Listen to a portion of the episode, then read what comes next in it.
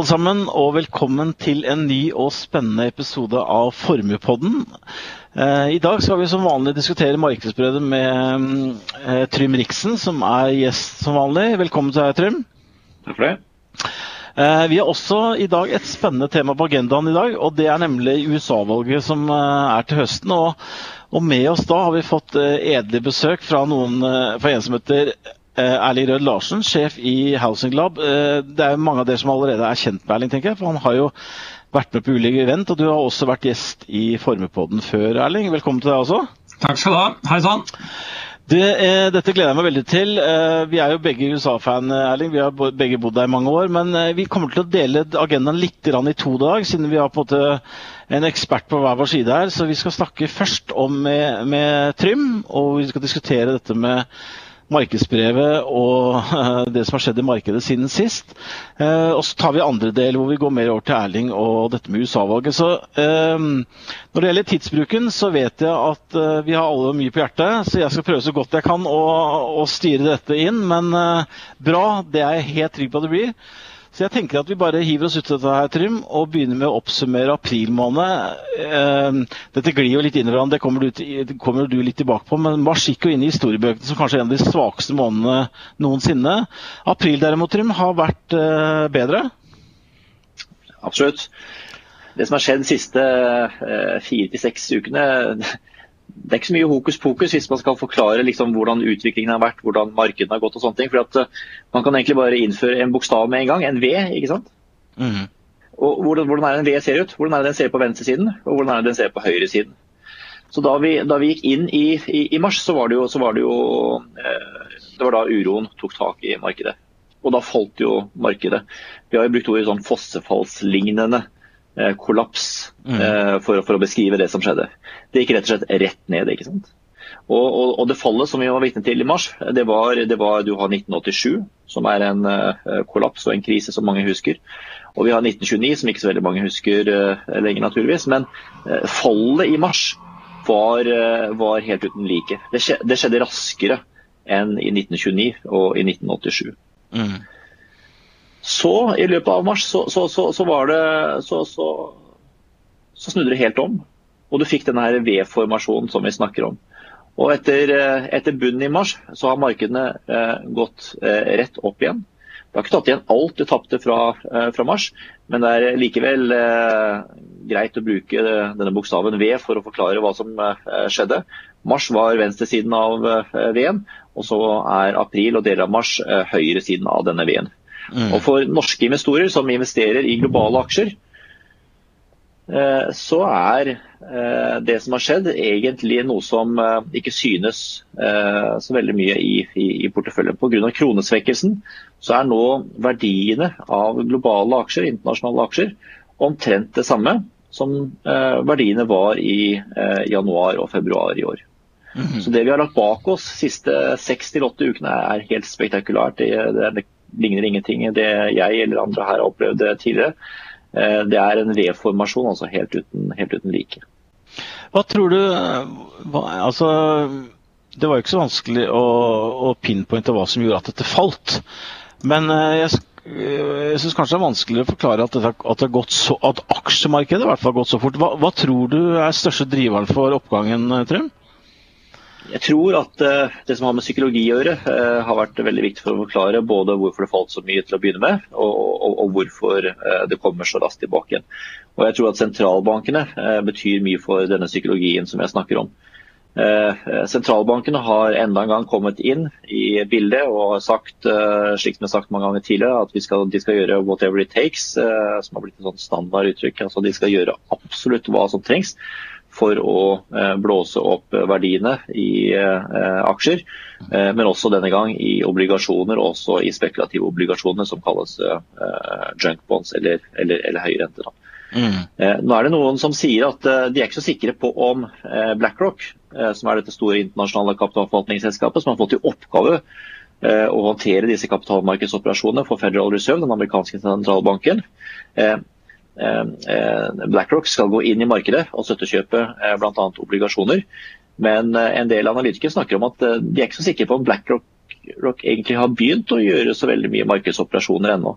Og Da er det nok en indikasjon på at det vi har sett nå i, i løpet av uh, siste halvdel av, av mars og, og, og, i april, at det er veldig mye med psykologi å gjøre. Bare det at man tror at Fed, uh, Federal Reserve i USA, bare det at man tror at sentralbankene skal komme inn i bildet, mm. gjør at tilliten til markedet, tilliten til fremtiden, kommer tilbake igjen. Det er ikke sikkert at sentralbankene trenger å gjøre så mye engang. Bortsett fra det å komme med et løfte om at de er der hvis det virkelig går helt skeis. Det er et veldig morsomt tema i seg selv, egentlig. Eh, hvis det er som du sier, at de faktisk ikke intervenerer eller går inn og støttkjøper sånn som, uh, som, mange trodde, men at det mer, mer faktisk er psykologien rundt alt det man, man tror det. Men, men tror du um, Jeg har et spørsmål på dette med at En av de er de største driverne som snakker om her med sentralmarkedet. Men tror du selv at markedet kanskje er litt for optimistisk her, eller? Altså Det som har skjedd i løpet av uh, mars, og som fortsatt skjer, er jo at eh, myndighetene har jo beordret at økonomien skal uh, stenges ned. Mm. Og Da er det som om at du får et fall i, i, i, økonomien, bare for å ta det helt ekstreme. Og du faller fra 100 til 0. Mm. Dette er bare for, for, å ta et helt ekstremt eksempel, det er ikke sånn det som har skjedd i virkeligheten. Men, men, men se for deg at du stopper økonomien, så, så aktiviteten faller fra 100 til 0. Mm. Da er det klart at hvis du får litt aktivitet i økonomien igjen, slik at økonomien rører på seg fra null til én, så er det en voldsom endring. ikke sant? Mm. Men du er fortsatt langt fra de 100 som var utgangspunktet. Så for å komme tilbake igjen til, til, til virkeligheten igjen, altså Aktiviteten i økonomien har ikke falt fra 100 til 0, men den har kanskje falt fra 100 til 90 eller 100 til 80 eller noe sånt nå. Mm. Og det er klart at Fra dette utgangspunktet, som er 80 eller 90, da, som tilsier et fall i økonomisk aktivitet på 10-20% kanskje, det er klart at eh, Etter hvert så vil du se ganske fine eh, endringstall, veksttall, fra eh, den nye virkeligheten. Men spørsmålet er jo hvor lang tid vil man bruke på å komme tilbake til de gamle 100, som var den, eh, det aktivitetsnivået som man gikk inn i 2020 med. Mm. Så jeg tror at det markedet nå eh, feirer, er at vi ganske snart vil se at økonomien begynner å røre litt på seg. Da kommer du til å få en del fine veksttall. Men du kommer til å få fine veksttall fra en mye lavere virkelighet, fra en mye lavere aktivitet. Og Det jeg lurer på om markedet kanskje undervurderer litt, det er det at det vil ta litt tid. altså. Eh, mm. Om det er kvartaler eller år. Det vil ta litt tid før man kommer opp igjen til de gamle 100. Dvs. Si den aktiviteten, det aktivitetsnivået som man startet 2020 med. Eh, som en liten sidediskusjon, for Dette diskuterte jeg med en annen forleden dag. Dette med at, at, markedet Vi har liksom ikke klart å få tallfestet noe ordentlig eh, konsekvensene i markedet. Men hvis du, hvis du, isolert sett tar flybransjen, da, som det har vært veldig mye diskusjoner i, i media om dagen, dette med Norwegian. Norwegian blant annet, går ut og, han Jakob Skram, CEO-en i konsernsjefen i, i Norwegian, gikk ut i går og sa at de hadde syv fly i operasjon av 156 fly. og at han trodde kanskje at, at, at, de kommer til å syv fly De legger i hvert fall opp til i planene sine at de kommer til å syv fly i april neste år. Og Det kan jo gi meg kanskje en liten indikasjon på at fly, altså turist- og, og, og flybransjen tror i hvert fall ikke på noe, noe veldig rask løsning her. Jeg så Warren Buffett solgte ikke han seg ut av uh, flyaksjer nå. Ja, ja. Så, så, så, det er klart at enkelte bransjer, eh, spesielt utsatte bransjer, nå har vi, nå har vi nevnt Norwegian og, og, og, og fly da, og, reiseliv kanskje. Eh, det er klart at Enkelte bransjer vil nok slite lenge med denne koronaen her, og, mye lengre enn en, en andre bransjer. Mm. Eh, når det gjelder disse spådommene om, om at, om at uh, Norwegian bare skal ha syv fly neste år, og sånne ting, det, det jeg ikke å komme inn på, for da blir det for mye spekulasjon og spådommer. Men, uh, men, det er helt åpenbart, som du sier, at eh, deler av økonomien vil eh, ligge med brukken rygg eh, ganske lenge.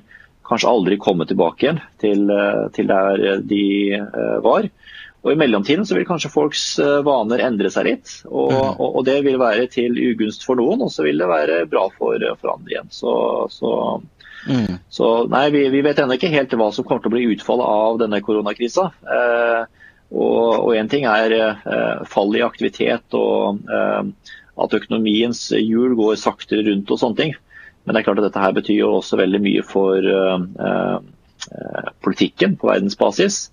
Uh, vi ser jo nå, da, da, da, vi vokste opp, så var vi vant til den kalde krigen. Nå har vi ikke hatt en sånn kald krig som vi hadde på 70- og 80-tallet. Sånn. Nå har vi ikke hatt det på, på, på, ganske lenge. Men det er ganske åpenbart nå at det pågår en informasjonskrig der ute. Mm. Hvor du spesielt har USA på den ene siden og hvor du har Kina på den andre. Uh, så mens vi diskuterer uh, mye økonomi og, og toll her, så er det åpenbart at eh, denne krisen her kan også ha potensial i seg til å trigge eller utløse andre utfall også, som har med, som har med sikkerhetspolitikk og sånt å gjøre. Absolutt. Trump har jo vært ganske tydelig på at han mener selv han har bevis på at, uh, at viruset har kommet fra andre steder enn kanskje fra det markedet. Men uh, jeg skal over på et annet spørsmål, Trym. og dette med vi begynner jo nå, om man skal, om man skal få lov til å bruke de ordene eh, Godt å se at landene faktisk nå begynner å lette litt på restriksjonene. Vi ser på uh, i Spania for eksempel, hvor faktisk barn ikke har fått lov til å gå ut av leiligheten på seks uker. Nå kan begynne å gå ut og lufte seg. De har forskjellige tider. Vi ser Frankrike, vi ser USA, vi ser Norge også. Uh, hva, hva, tror du er den største faren når det gjelder det, det å lette på restriksjonene her? Altså det ligger i kortene at eh, når du har med en sånn biologisk faktor som et virus å gjøre, eh, så, så, så, kommer dette viruset i, i, i, bølger. Og Det har vært noe av intensjonen her, at eh, du får en sånn veldig eh, topp, virustopp, eh, hvor, hvor, det blir så mange syke at eh, kanskje sykehuskapasiteten og sånt faller sammen. Det ønsket man jo å unngå. Derfor innførte man alle disse restriksjonene som man ønsker å bruke en hammer for å slå ned virusutbredelsen. Da. Men når man bruker den hammeren for å slå ned virusutbredelsen gjennom eh, isolasjon og karantener og, og, og, andre tiltak, så er det klart at eh, når du løsner opp igjen eh, og folk begynner å møte hverandre igjen, så øker jo også smitten igjen. da. Så Det er klart at det kommer nok flere bølger her med, med virus, hvor, hvor, man nå har slått ned den første bølgen. Og så løsner man opp. Og så vil man sannsynligvis oppleve utover høsten at det kommer flere tilfeller av virus tilbake igjen, og at man står da overfor en ny bølge. Så spørs å se da, eh, så gjenstår å se da, om den eh, nye bølgen vil være like kraftig som den eh, første. Det, det får vi for all del ikke håpe.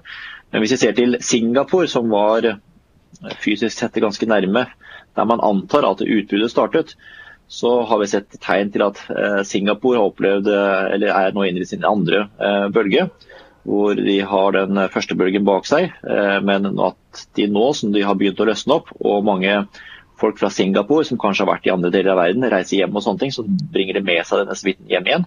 Mm. Eh, så står nå eh, Singapore overfor en bølge to. Og da har da myndighetene i Singapore innført ganske strenge bevegelser for andre gang i år. Da. Du, vi nærmer oss eh, Jeg har ett spørsmål til deg før vi liksom skal eh, bevege oss litt over dammen og snakke om valget.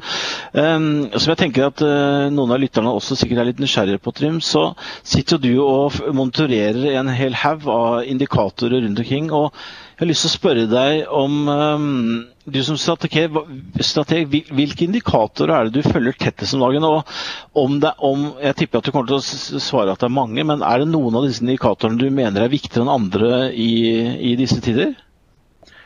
Ja, altså Vi følger med, et, uh, følger med, på et bredt sett av økonomiske indikatorer. Uh, og, og uh, Vi følger spesielt nøye med det vi kaller for ledende indekser, som er konstruert slik at de dekker eh, alle sider ved økonomien. Eh, arbeidsmarkedet, eh, industrien, servicenæringen osv.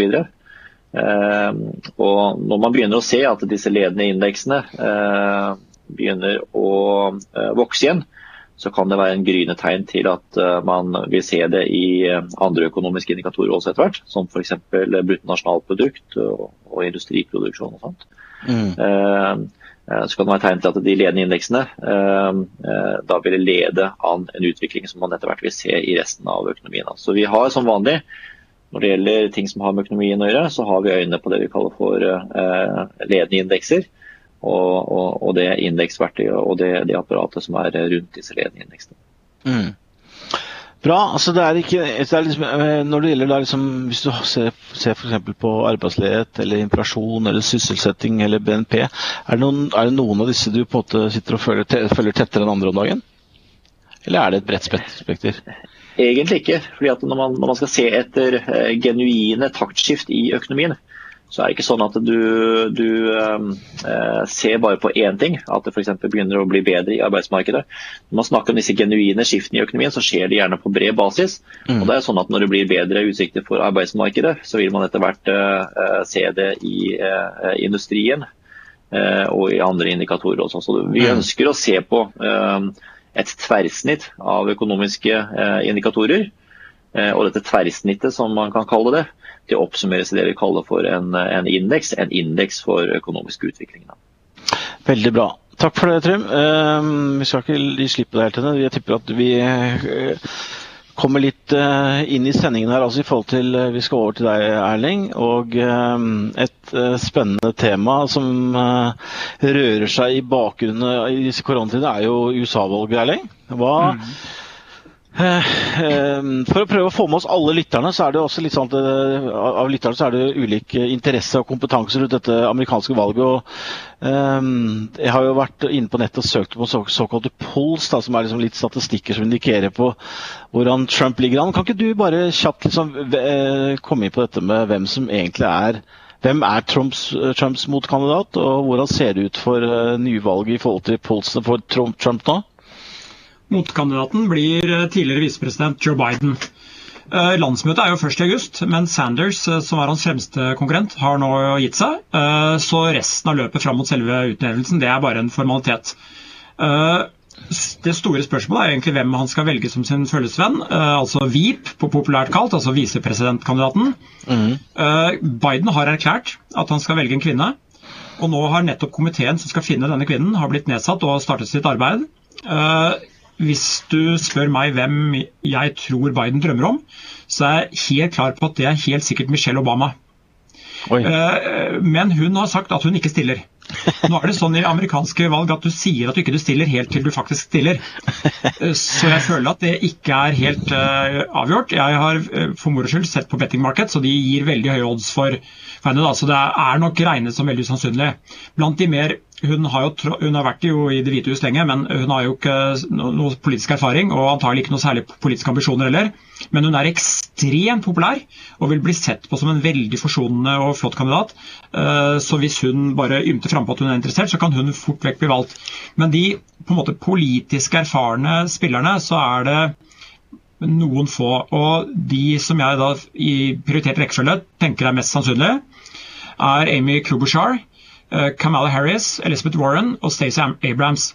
De har jo uh, lang fartstid alle sammen, har, men appellerer til ulike velgergrupper. Warren, uh, Elizabeth Warren for eksempel, hun blir nok sett på som litt outsider i og med at hun er uh, litt eldre, hun er over 70 år. Og siden Biden også er det, så er det kanskje et litt usannsynlig valg. Så hvis dere spør meg hvem jeg tror blir VIP, visepresidentkandidat, så er det Klobuchar. Mm. Når det gjelder Trump, da, så er det jo spennende det du nevnte med sånn polls. fordi jeg er såpass interessert i USA at jeg driver og følger med på dette her, omtrent, omtrent hver dag. Ikke hver time, men omtrent hver dag.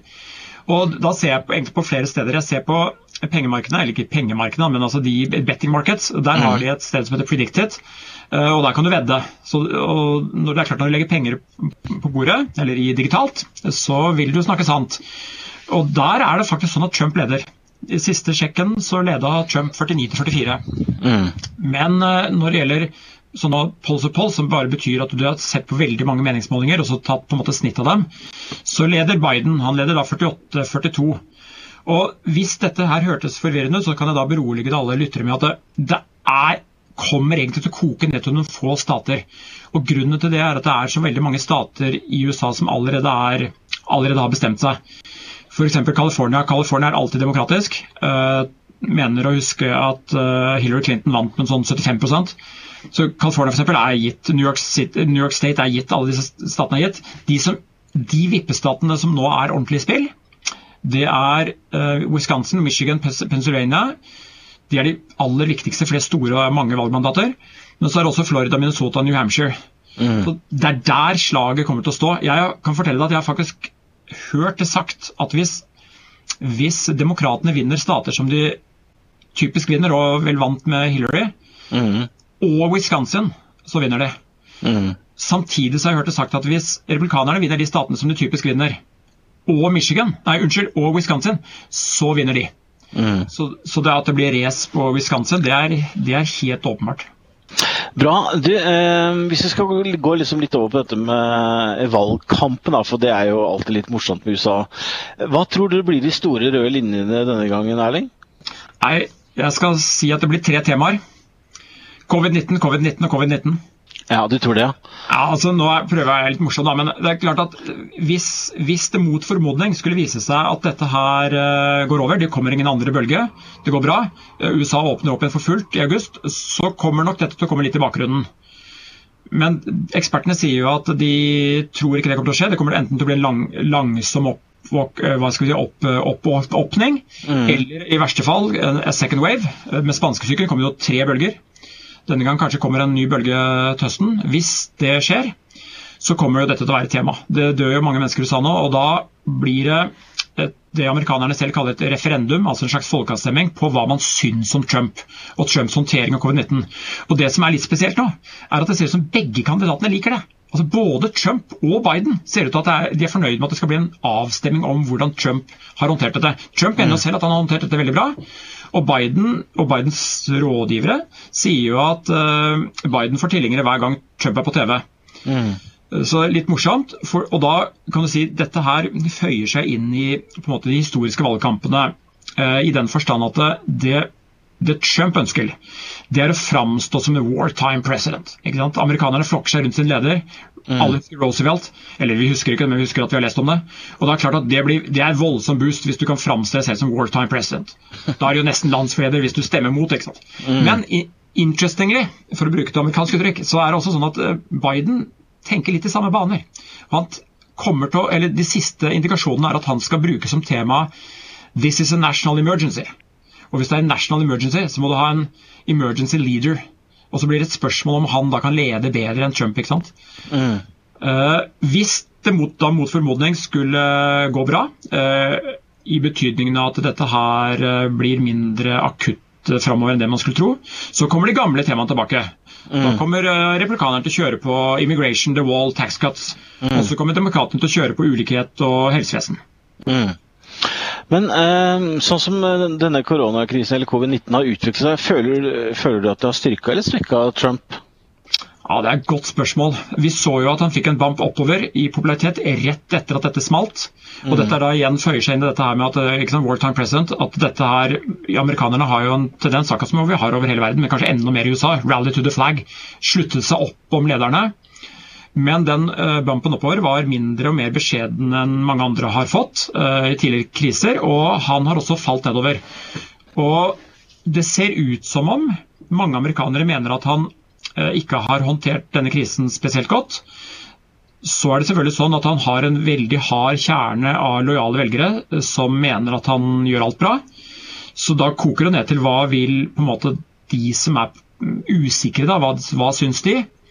Og de siste simuleringer av disse tre nøkkelstatene, uh, Wisconsin, Michigan og Pennsylvania, tyder på at de avgjørende usikre velgerne faller ned på Biden.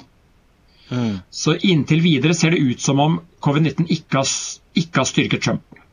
Jeg skjønner. jeg skjønner. Men det er klart at det, det som er en wild horse her, og som er en X-faktor, det er at hvis, hvis, det kommer en vaksine, and low and behold, hvis, hvis den blir oppfunnet i USA, så kommer Trump til å ta æren, og, og, kanskje han da kan anføre gode grunner for at han var med på å styrke kanaliseringen av penger til de som fant vaksinen. Og vil, Da vil han tjene enormt på det. Mm. Ja, Det er morsomt. Det er en sånn liten black swan. Hvis han skulle kunne klare å få til det. Det er vel lite sannsynlig at han får til det før nyttår, ifølge de fleste FDA-eksperter. og sånn, Men, men det, det, er godt poeng. Du, og ikke bare det, ikke bare det, for du vet, Vaksine er kanskje long shot, men det som kanskje mer kan tyde på, er at de finner en eller annen form for eh, terapeutisk eh, mm. eh, medisin. da. Nå har jo denne uh, Demresivir har jo blitt, har man funnet med det som er liksom gullstandarden i forskning. Det er at du har en, du har en randomisert, altså tilfeldig utvalg av mennesker og så har du double blind, så verken legene eller menneskene selv vet hvem, hvem som får placebo og hvem som får medisinen. Dette er mm. veldig bra statistisk materiale for å si noe. Da. De har funnet at med remdesivir så faller tiden i akutt behandling fra 15 til 11. Mm. Og Det er jo, det er jo et framskritt hvis dette er riktig. og Man kunne tenke seg at det kommer lignende antivirale midler. Man har jo bekjempet virus i mange tiår, så man kan tenke tanken at dette her kommer. Altså ikke som en vaksine, men som en form for kur, en terapeutisk behandling. Og at hvis, hvis replikanerne klarer å og få posisjonert seg sånn at det er sannsynlig at de har bidratt positivt til at dette har skjedd, mm. så vil det være veldig styrkende for Trump. Nå må jeg ile til før du avbryter meg, for jeg har masse på hjertet. Og, og, det som jeg iler til med å si, er at eh, det som kan bli ganske viktig, det er hvordan det skal stemmes. Altså Helt konkret, hvordan skal du stemme? Mm. Det som man vet, eh, som statsviterne vet etter utallige år med forskning på amerikanske valg, er at eh, republikanerne tjener på fysisk oppmøte. Der, det, altså Hvis det er krav om fysisk oppmøte, så er republikanere som tjener på det. Uh, hvis derimot, sånn som det er foreslått, at det skal være mulig å forhåndsstemme, enten med brev eller, eller til og med med noen digitale plattformer, så vil det tjene demokratene. Men da, siden dette her er da øh, siden de ulike partiene har ulike interesser, så vil dette bli en veldig het potet. Det så vi faktisk var valg nå nylig i Wisconsin. Ikke bare skulle det da være et primary for demokratene, men skulle også samtidig være valg til en rekke verv i Wisconsin. Og da endte det faktisk opp i Høyesterett, øh, fordi guvernøren hadde sagt at det ville ha en annen form for stemming, og det ble nedstemt av Høyesterett altså, i Washington DC. Altså. Jeg skjønner. Så dette blir viktig. Men ja, ser, du noe, ser du for deg noen mulighet for at, at, at dette kan, valget kan bli utsatt? Ja, det der er et veldig veldig viktig punkt. Uh, og sannheten er litt tricky. Uh, og her er det mulig for lytterne å gå på nettet og finne masse informasjon. Men, så vi må, vi må innom valgloven i USA.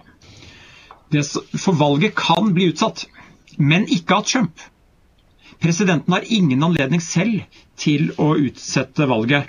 Det som skal til for at valget skal bli utsatt, det er at det er flertall både i Senatet og i Representantenes hus. Og Senatet blir jo kontrollert av republikanerne, og Representantenes hus blir jo kontrollert av demokratene. Så det at de skal begge være enige om dette, det, da må det være en eller annen form for krise. Mm. Og ikke bare det. Hvis valget blir utsatt og såpass lenge at det passerer 20.1 klokken 12 Eastern Time, så går presidentperioden ut. Også for visepresidenten. Og da trer faktisk eh, etterfølgerreglene inn. Altså Da mister rett og slett Trump og Pence eh, embetene sine. Og så ser de på lovene. Hvem er da next in line? Og det er speaker i Representantenes hus, som er Nancy Pelosi. Så, så, jeg, så, med dette, som dere hører, så kan dere tenke at det er veldig liten initiativ til at de skal gå med på å utsette dette valget til til etter 20.1. Og det er veldig usannsynlig. Det som er mye mer sannsynlig, er at det blir, en, det blir valg 3.11. Uh, der og, og, Valgloven sier faktisk at det skal være litt kronglete, det skal være første tirsdagen etter første mandagen i november. og det er selvfølgelig fordi at Hvis 1. november er tirsdag, så blir det den 8. Det skal, liksom, skal være første tirsdag etter første mandag, og det står skrevet. Uh, og og det, det springende punktet blir hvordan de skal stemme. Blir det anledning i høy grad til å forhåndsstemme? Blir det lov til å stemme digitalt? Den type ting. Mm. Du, um, for å gå, opp, gå, gå, litt over på demokratenes side, hva, hva, tror du dere er sterkeste argument eller sterkeste kort for å komme tilbake til makten igjen? Jeg tenker at de nå, alle strategene der, tenker uh, national, national emergency. We need leadership. At de skal kjøre fram på det. Og så skal de tenke tanker som gjør at publikum, stemmerne, velgerne, tenker i retning av Cuomo, som er uh, guvernør i New York. Cuomo har gjort det veldig godt.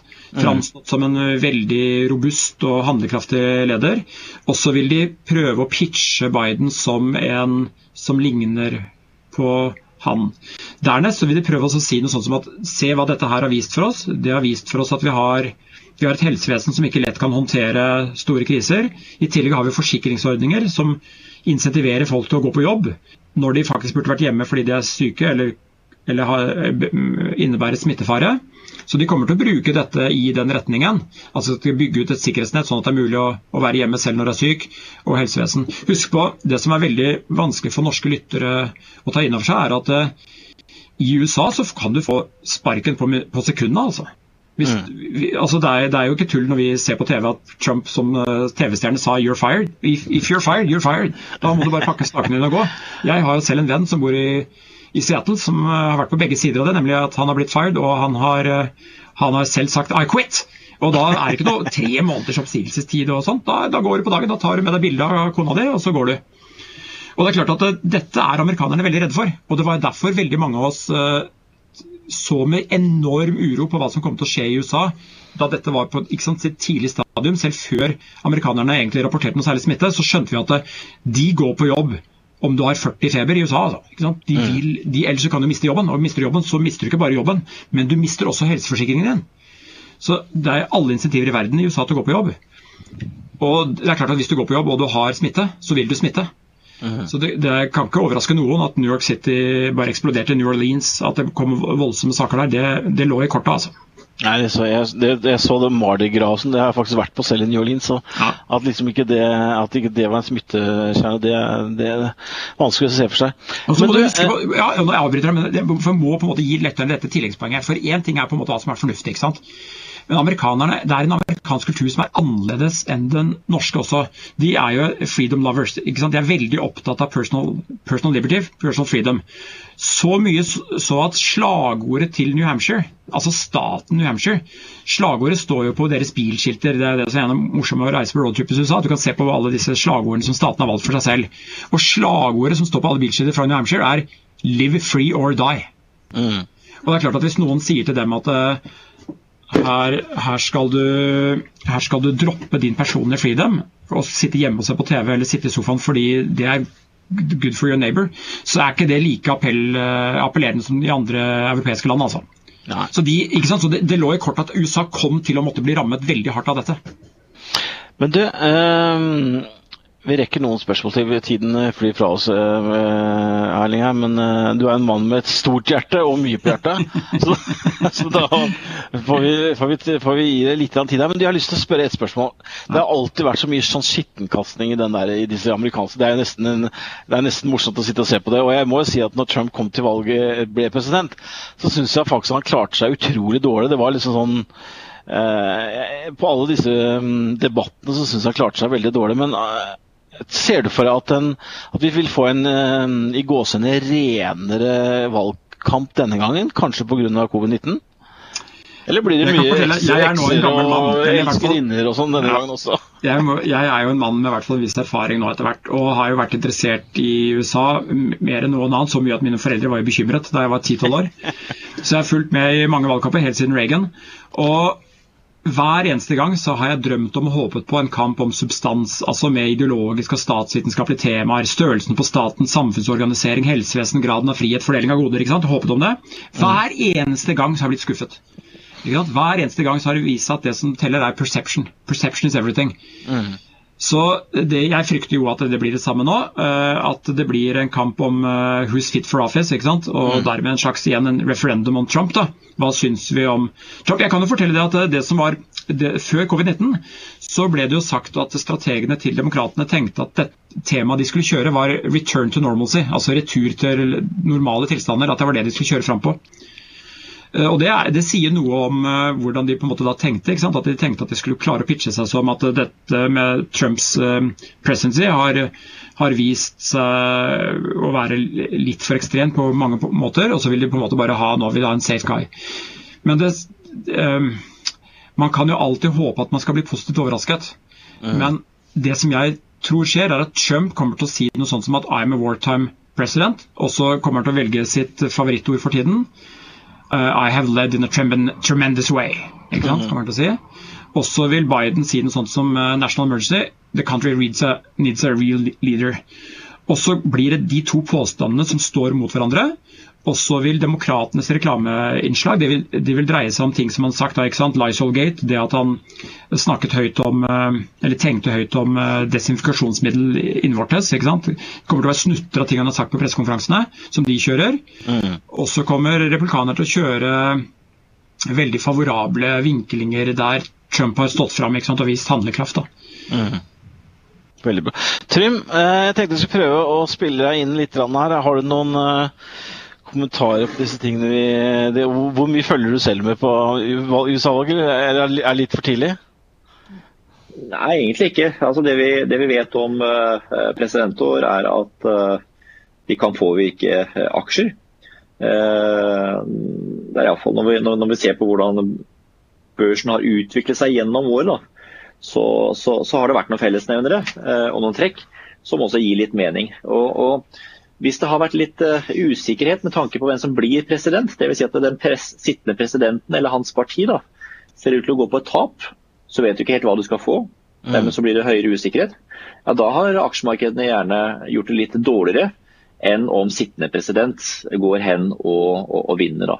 Mm. Så Man kan se på presidentvalget kanskje som en uh, kamp som også dreier seg om usikkerhet. Og aksjemarkedet uh, og risikofylte investeringer liker ikke usikkerhet. Så jo mer usikkerhet om utfallet som denne valgkampen her eh, bringer med seg, desto mer svingninger kan man kanskje også forvente seg på, på børsen. Da. Det er iallfall den, eh, det er den lærdommen man kan trekke ut av la oss si 100 år med, med, amerikanske valgkamper og 100 år med aksjemarkedet. Nå kan jeg bare skyte til, for Det er veldig interessant det Trym sier. veldig interessant. Og da er det jo sånn at Den usikkerheten nå består jo at Trump er jo, er jo bare business business-friendly og oppfattes som business-friendly, så begge deler til alle retninger at sant, businessen ønsker egentlig Trump. Mens uh, demokratene er jo veldig opptatt av at statens rolle skal styrkes, uh, helsevesenet skal styrkes, det skal være annerledes forsikringsordninger. Alle forslag som kommer til å innebære én endringer i hvordan vi organiserer samfunnet, og to kanskje kommer til å koste. Og det er klart at Når man skal ta stilling til et så stort spenn i hva som kan skje etter 20.1, så blir det noe usikkerhet knytta til det. Mm.